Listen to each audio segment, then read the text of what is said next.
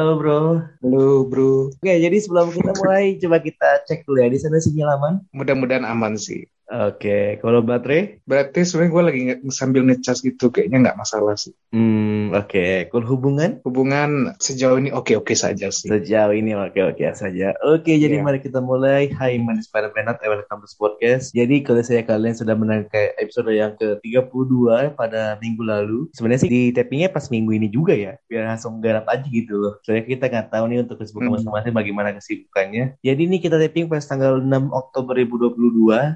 Jadi kita tapping untuk eh, episode ke-33 di podcast Rantau dengan orang yang sama dengan pembicara pada minggu lalu. Coba silakan lu intro yourself kembali.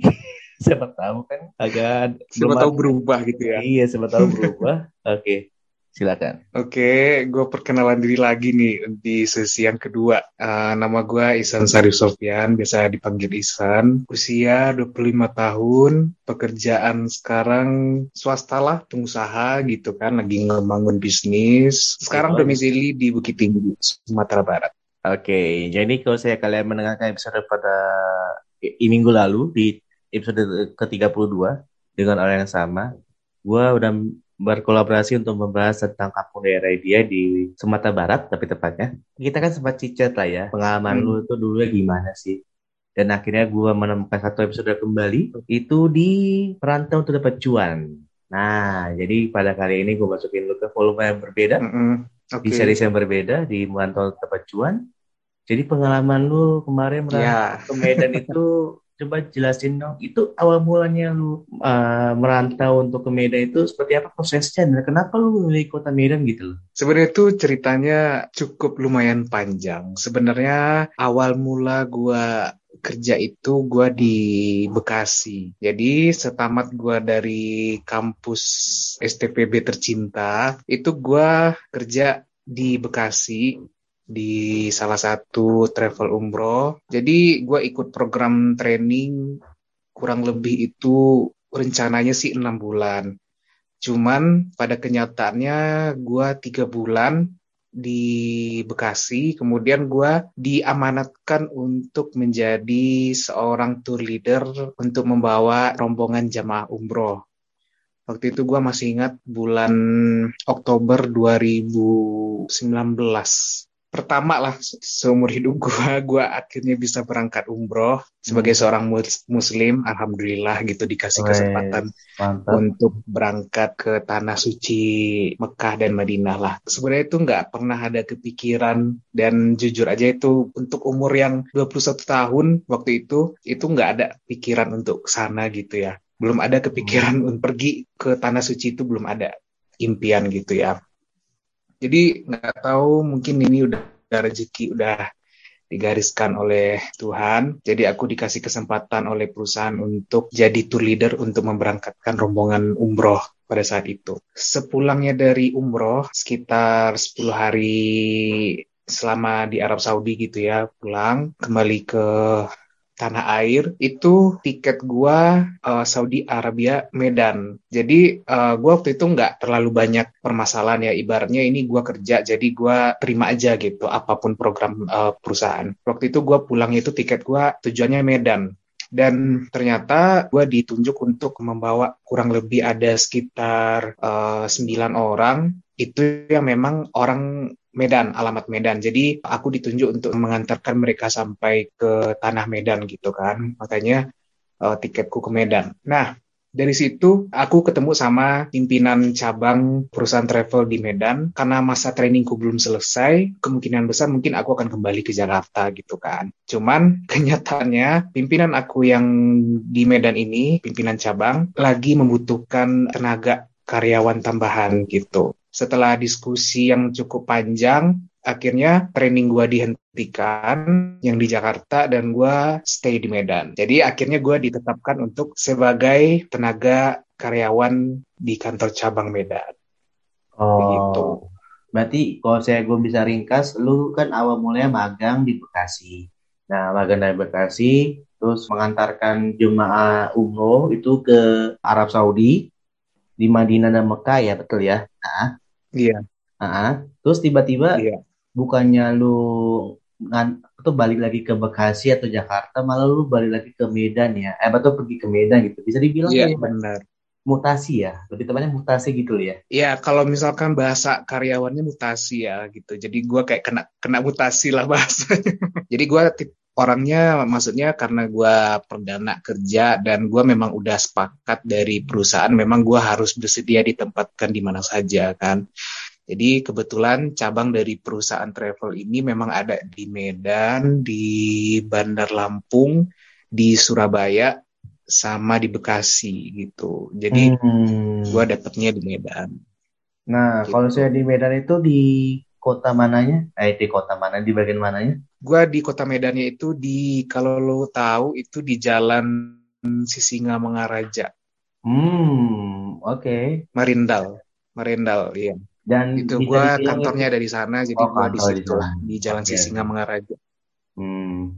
Tapi kok saya respon orang tua lu, Mm-mm. akhirnya lu merantau untuk dapat cuan di Medan itu gimana responnya? Jadi gini, kalau ditanya orang tua, sebenarnya orang tua gua tuh eh, semenjak gua kuliah di Bandung, dia tuh udah berikan kebebasan sama gua gitu. Jadi semenjak gua udah merantau kuliah ke Bandung, itu gue udah kayak dapat kepercayaan dari orang tua gue mau ke mana pun gue merantau gitu kan cari kerja atau ke mana itu dikasih izin lah gitu karena orang tua gue pernah bilang kayak gini gue ngambil jurusan eh, bisnis travel gitu kan itu orang tua gue bener-bener paham paham banget dan siap bahwa memang gue itu bakal jadi lulusan yang kemungkinan bakal kerjanya itu ya traveling gitu kan, jalan-jalan apalah segala macam kayak gitu.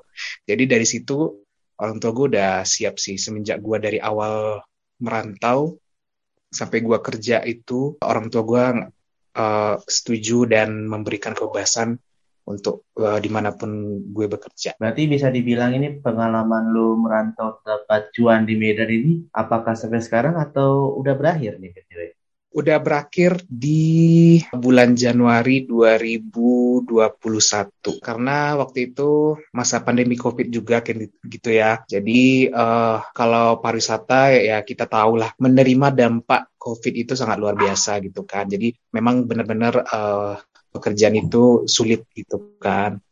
Karena memang eh, tidak ada penerbangan gitu, tidak diizinkan untuk eh, berangkat umroh segala macam. Jadi memang stuck, eh, nggak ada pekerjaan lah, nggak ada aktivitas uh, di pekerjaan travel. Jadi akhirnya gue memutuskan untuk uh, resign, mengundurkan diri. Hmm, oke oke. Ya sih. Kayaknya semua lini bisnis dari yang dulur ke hilir itu kayaknya hancur banget sih iya, pas corona kemarin ya. Iya iya. parah sih. ya. Bahkan ini aja gue yang kuliah, bahkan yang gue kuliah untuk dunia event sendiri, ya gue harus belok 180 derajat untuk bertahan hidup.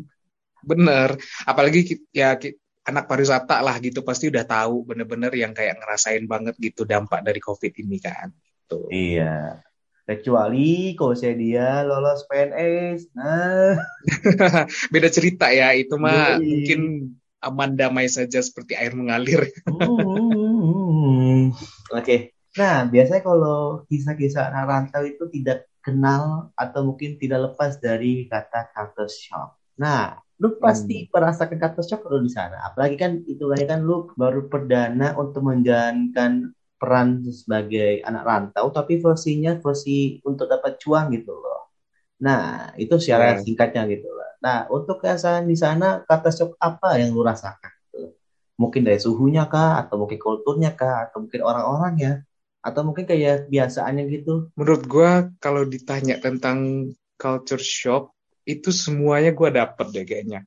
Mulai dari suhunya, cuacanya, orangnya, lingkungannya, perkotaannya gitu kan. Karena kita tahu lah gitu kan, Medan kan merupakan kota paling metropolitan di Sumatera gitu ya. Menurut eh, gua gitu kan, gua merasakan kayak gua bener-bener datang di eh, tempat yang benar-benar menguji keimanan, menguji ketabahan, menguji nyali gua untuk cari cuan lah gitu kan. Jadi semuanya gua dapetin. Mulai dari suhu udara lah. Medan itu menurut gua panas ya. Karena gua ngekos itu pakai kipas angin nonstop 24 jam. Nggak tahu itu berapa suhunya, kayaknya itu sampai 30 kayaknya ada deh itu. 32 apa 30 derajat mungkin ya setiap hari. Dan kalau dari segi orangnya jangan ditanya lagi ya. Karena di situ adalah si tanahnya orang Batak, si tanahnya orang Medan. Hmm. Itu gue bener-bener yang diajarin banget buat jadi orang yang nggak boleh baper, nggak boleh baper. Kenapa? Karena kalau perdana kali gue ngobrol, misalnya gue kenal dengan lingkungannya itu, gue pikir orang-orang itu pada parah gitu sama gue gitu kan, atau kesel atau apa gitu kan.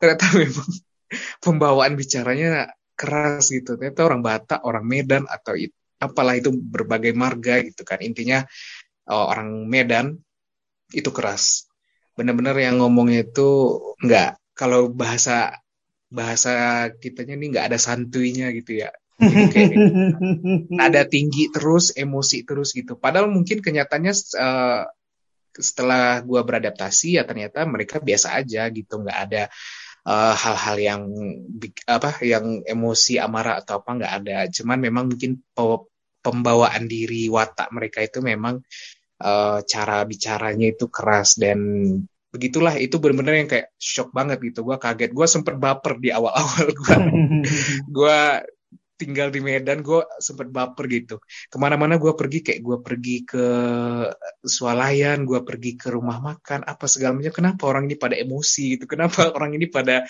marah-marah gitu suaranya pada keras semua gitu kan karena ya karena gue nggak terbiasa gitu kan uh, dengan uh, pergaulan yang kayak uh, pergaulan lingkungan yang seperti ala-ala di Medan itu. Jadi gue agak hmm. kaget banget lah gitu. Nah, kalau saya untuk ngekos, lu ngekosnya berapa dapat berapa per bulan? Dan itu bang hasilnya siapa aja? Uh, gue tuh sebelum ngekos itu gue sempet numpang dulu nih di kosan temen gue. Mm -hmm.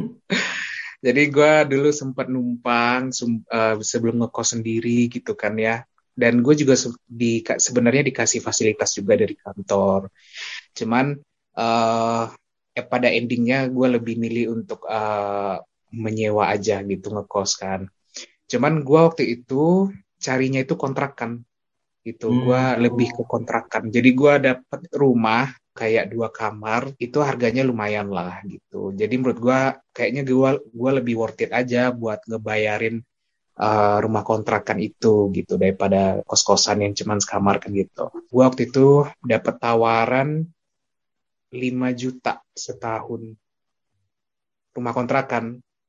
Hmm, okay, okay. Gua masih oke okay lah gitu masih uh, gue lihat uh, apa model suasana di dalamnya uh, cukup nyaman kemudian menurut gue harga 5 juta uh, dengan gaji gue masih masuk ya udah gue pilih rumah kontrakan gitu. hmm.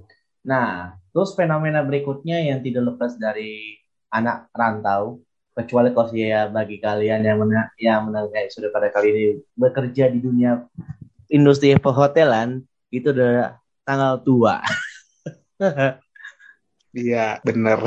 nah, belum bahas tentang tanggal tua, lu dapat gajian itu di awal bulan atau di akhir bulan atau justru kayak dua minggu sekali kayak di hotel-hotel gitu? Seperti pada umumnya itu di akhir bulan gitu. Hmm, oke okay, berarti di akhir bulan. Kalau saya menurut lu beban hidup di sana mahal ya sih? Biaya hidup, oke, okay. biaya hidup menurut gua kalau seukuran kota Medan nggak terlalu mahal, nggak terlalu sulit dan nggak terlalu murah juga. Jadi kayak uh, masih oke okay lah gitu masih standar. Oke. Okay. Nah biasanya kalau orang-orang awam ya kalau saya gue sendiri kan pasti udah tahu lah ya kan gue juga apa tuh halak Batak tapi emang kayak yeah. lahir aja gitu loh gue lahir di tanah Jawa aja gitu loh nah okay. biasanya kalau orang-orang kayak lu nih maaf maaf nih sebelumnya yang uh, orang-orang awam mengambil itu kalau saya di Medan itu susah untuk mendapatkan kuliner halal. Nah, itu kok sih lu sendiri untuk kayak makanan-makanan halal itu ada tempat khusus gak sih? Jadi sebenarnya itu sebelum gua eh, pas gua udah tinggal di Medan, mungkin uh, baru pas pertama kali atau baru-baru gua tinggal di Medan, itu memang banyak banget curhatan temen, keluarga gitu. uh, bilangnya ya hati-hati aja gitu, pandai-pandai milih uh, makanan karena kan di Medan itu memang uh, beberapa makanan juga ada yang tidak diperuntukkan untuk Muslim gitu kan. Jadi pas gue menjalaninya gitu kan, kalau gue perhatikan itu cukup nggak terlalu sulit banget ya. Banyak sih makanan yang no, apa notabene atau memang halal gitu ya, gampang kayak rumah makan apa segala macam itu memang uh, tidak terlalu yang sulit banget nyari yang halal. Jadi kalau yang uh, bukan uh, makanan uh, halal atau bukan makanan muslim gitu kan ya, itu kayak di beberapa tempat aja tertentu yang memang uh, kayaknya tuh mereka khusus jualan di sekitaran situ aja gitu. Jadi hmm. mereka kayak lebih ngasih tahu aja ke masyarakat kalau memang mereka jualannya ini gitu. Bukan berarti yang kayak mereka diem-diem jualan itu enggak sih. Jadi kayak kita jelas aja ya kita jelas aja gitu ngelihatnya. Jadi mereka memang uh, jualin ini, jualin itu gitu. Jadi menurut gua waktu gua kuliner gitu rata-rata masih gampang sih kalau buat nyari makanan yang buat muslim juga nggak nggak jadi masalah kayak kayak daerah-daerah pada umumnya juga. Cuman memang kalau untuk makanan yang khas untuk uh, eh, non muslim kayak babi itu dan lain-lain itu memang ada gitu. Cuman mereka lebih bikin aja gitu ada labelnya gitu menyediakan makanan khas iya. babi guling gitu segala macam. Iya, selain juga non halal itu kan emang gua bisa bilang kan kalau saya untuk di kota Medan kan banyak beragam banget sih kulinernya kayak hmm. ada India, terus juga iya, benar. Arab juga iya. ada dan non halal juga ada gitu loh. Jadi ya yes. bagus lah kalau misalnya lo bisa memilih-milih yang iya. sesuai dengan tes lidah lu gitu lah. Nah, bi tapi kalau saya pengen tahu nih, kemarin lu kerja di Medan 5 plus 2 atau 6 plus 1? Kalau gue boleh bilang kayaknya 6 plus 1, 6 plus 1 gak sih ibaratnya Senin sampai Jumat, tapi Sabtu tetap masuk tapi setengah hari. Gitu. Hmm, ya, ya, ya. ya Iya ya paham kan. Maksudnya iya gue gue ya gitu intinya jadi gue Senin sampai Jumat itu full dari pagi sampai sore. Sabtu tuh tetap masuk cuman uh, pulangnya lebih awal. Tapi but dalam kenyataannya ada juga beberapa keperluan yang memang mengharuskan itu juga di hari Minggu juga ada. Tapi itu nggak setiap minggu sih. Beberapa momen tertentu aja yang memang ada pekerjaan yang harus datang ke kantor di hari Minggu. Nah, fasilitas apa sih yang lo dapatkan gitu dari perusahaan dari travel yang lo kemarin kerja kemarin? Alhamdulillahnya cukup uh, banyak ya, karena uh, travel tempat bekerja ini memang memprioritaskan azas kekeluargaan gitu kan. Jadi karyawannya seperti keluarga sendirilah gitu kan. Jadi gue dapat fasilitas kayak tempat tinggal, it, kemudian ada motor, motor, sepeda motor uh, kantor dinas untuk keperluan uh, dinas luar gitu kan. Kemudian uang tambahan lah biasa biasa akan gitu bonus. Kalau misalkan memang ada target yang nyam, nyampe atau apa biasa dia ada bonusnya gitu. Ya paling itu sih kayaknya kalau uang bensin masih di masih dirembes sama perusahaan gitu kalau ada keperluan uh, memakai kendaraan gitu hmm. lumayan lah pokoknya menurut gua uh, gaji gua yang gua terima memang uh, bersih lah ibaratnya untuk memang uh, kebutuhan sehari-hari. Tadi kan bilang 6 plus 1. Ya walaupun hitungnya 1 plus 1 itu masih rancu apa kalau masuk atau mungkin gimana gitu. Lu pernah ke mana hmm. aja sih sama lu di Medan gitu? gue syukurnya ya bener uh, eh, gue kalau boleh bilang nyali traveler gue itu bener-bener kebentuk pas gue di Medan. Jadi gue di Medan itu gue cukup punya beberapa temen yang mana temen gue ini memang tipikal anak malam gitu ya. Maksudnya suka ngajak nongkrong malam-malam gitu kan. Pokoknya banyak jalan-jalannya gitu. Jadi gue ngikut aja tuh. Gue ngikut pokoknya gue bener-bener yang kayak uh, diajak banget lah gitu sama teman-teman gitu. Dan banyak sih kalau di Medan tempat-tempat nongkrongan uh, eh, gue udah singgahi, kemudian di luar Medan juga udah. Pokoknya bener-bener jiwa traveler gue terasa sih selama di Sumatera Utara Medan ini gitu oh nah tadi kan bisa dibilang kan lu mental travel lu, lu udah teruji lah di Medan Nah, berarti hitungannya lu jalan-jalan dong di sana apa gimana? Iya, jadi kayaknya gue mecahin rekor dalam hidup gue. Gue itu bawa motor, sepeda motor dari kota Medan ke Padang Sidempuan. itu kalau kalau yang pernah tahu itu kalau ngelihat peta atau misalkan orang Sumatera Utara itu gue lupa. Cuman kayaknya gue ngabisin jam itu gue berangkat dari jam uh, 10 pagi, nyampe nya itu juga 12 jam kemudian gitu ya. Jadi pokoknya intinya gue merasa kayak dari kota Medan sampai Padang Sidempuan itu gue bawa motor. Wah gila sih, itu menurut gue itu pengalaman yang gak mau gue ulang lagi kayaknya. Karena gue gak tahu kenapa, ya di situ gue bener-bener ngerasain gue yang apa tuh traveler banget gitu, berasa traveler banget dari kota Medan sampai Padang Sidempuan naik sepeda motor 12 jam ya waktu itu juga berangkatnya ada yang kena hujan di di Siantar gitu ya pematang Siantarnya kena hujan kemudian nyampe di mana itu ya di Tarutung daerah Tarutung itu malam itu benar-benar yang kiri kanan itu jurang hutan wah itu sampai berembun nggak tahu itu gue alhamdulillah itu tak kenal selamat gitu ya sampai tujuan. Hmm. Padahal sebenarnya gue nggak yakin banget itu gue takut banget ini ban ban motor kempes gitu kan. Kemudian jam 2 pagi lu bayangin jam 2 pagi kiri kanan lu itu hutan, jurang dan embun dingin banget sumpah. Dan gue nggak tahu itu uh, nyali gue itu bener-bener yang berhasil diuji gitu kan. Sampailah gue di Padang Sidempuan gitu. Dan itu gue lakukan pulang pergi. Jadi dari Medan Padang Sidempuan kemudian gue Padang Sidempuan lagi dari seminggu kemudian gue balik lagi ke Medan gitu. Itu dalam rangka apaan lu naik apa tuh riding gitu bro? Dalam rangka lu libur lebaran kah? Atau mungkin kayak gimana? Jadi itu waktu itu perdana uh, boomingnya COVID. Ya waktu oh. itu bulan Mei apa April. Jadi perusahaan gue memutuskan untuk me WFH kan ke WFH kan karyawannya kan gitu. Hmm. Jadi gue di situ ya udah teman-teman gue yang senasib ya teman-teman gue ada yang kerja di rumah sakit gitu kan dia juga punya nasib yang sama akhirnya memutuskan untuk yuk lu mau nggak um, apa main ke kampung gue katanya gitu jadi hmm. gue ini kayak diajak ke kampung mereka orang-orang teman-teman gue yang orang Medan jadi akhirnya gue putusin oke okay deh gitu gue ikut gitu makanya gue hmm. waktu itu gue tiga motor sama teman-teman gue tapi kalau saya selama lu di Medan destinasi wisata apa sih yang lu pernah kunjungi? Tapi untuk aksesnya tuh susah banget itu loh. Kecuali yang tadi lu sebutin itu mah 12 jam ya gila yeah. kali itu. Iya. Kalau tempat wisata gue paling ingat itu uh, ke daerah wisata Tangkahan.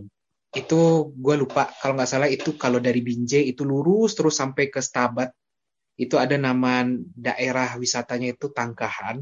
Hmm. Jadi itu banyak banget ceritanya itu. Mulai dari temen gue yang hampir masuk jurang karena nggak lihat bahwa jalannya itu nggak punya pembatas dan waktu itu kami malam uh, jalannya juga nggak kayak belum aksesnya itu belum bagus gitu ya mulai dari jalan menuju tempat wisatanya itu kayak jalan yang nggak ada lampu gitu jadi kayak teman gue nyaris udah jatuh udah jatuh ke bawah cuman untungnya nggak masuk ke air gitu. Jadi kayak terjun bebas terjun bebas temen gue gitu motor. Jadi aturan jalannya tuh harusnya belok dia lurus karena nggak lihat karena gelap jadi dia lurus. Dan masuklah ke dalam jurang tapi udah mati jurang itu jarang nggak terlalu uh, dalam gitu ya. Untungnya mereka cuma luka-luka aja gitu kan. Hmm. Gue panik tuh karena gue di belakang, gue kaget ternyata pada heboh tuh. Kenapa tuh pada lom, lompat jurang kan? Gitu. Uh. Itu sih, itu karena faktor aksesnya nggak terlalu bagus juga gitu kan. Kemudian kami juga uh, kedapatan ban bocor karena bebatuan. Jadi kalau ke teman-teman yang tahu di wisata Tanggahan itu pasti kayak jalannya itu bebatuan yang tajam-tajam itu loh. Dan bener nyata itu temen gue malah bannya bocor gitu. Karena jalan itu bener batu-batu yang sepanjang jalan gitu kan. Itu kan nggak hmm. bagus buat motor gitu. Akhirnya bocor. Ah, belum lagi itu perjuangannya banyak gitu. Belum lagi hujan. Dan jalannya lepas dari bebatuan ketemu lagi jalan ke Tangkani itu kayak dibilang eh, tanahnya itu tanah liat kali ya. Jadi kalau kena air itu jadi lengket di ban gitu. Ya yang kan warna. Tanah itu tanah liat, bener gak sih? Kayak ada tanah yang kecoklat-coklatan gitu. Hmm. Jadi kalau kena air dia jadi nempel banget di kendaraan kan. Nah itu kesulitan banget itu ngegas motor segala macam. Jadi benar-benar perjuangan.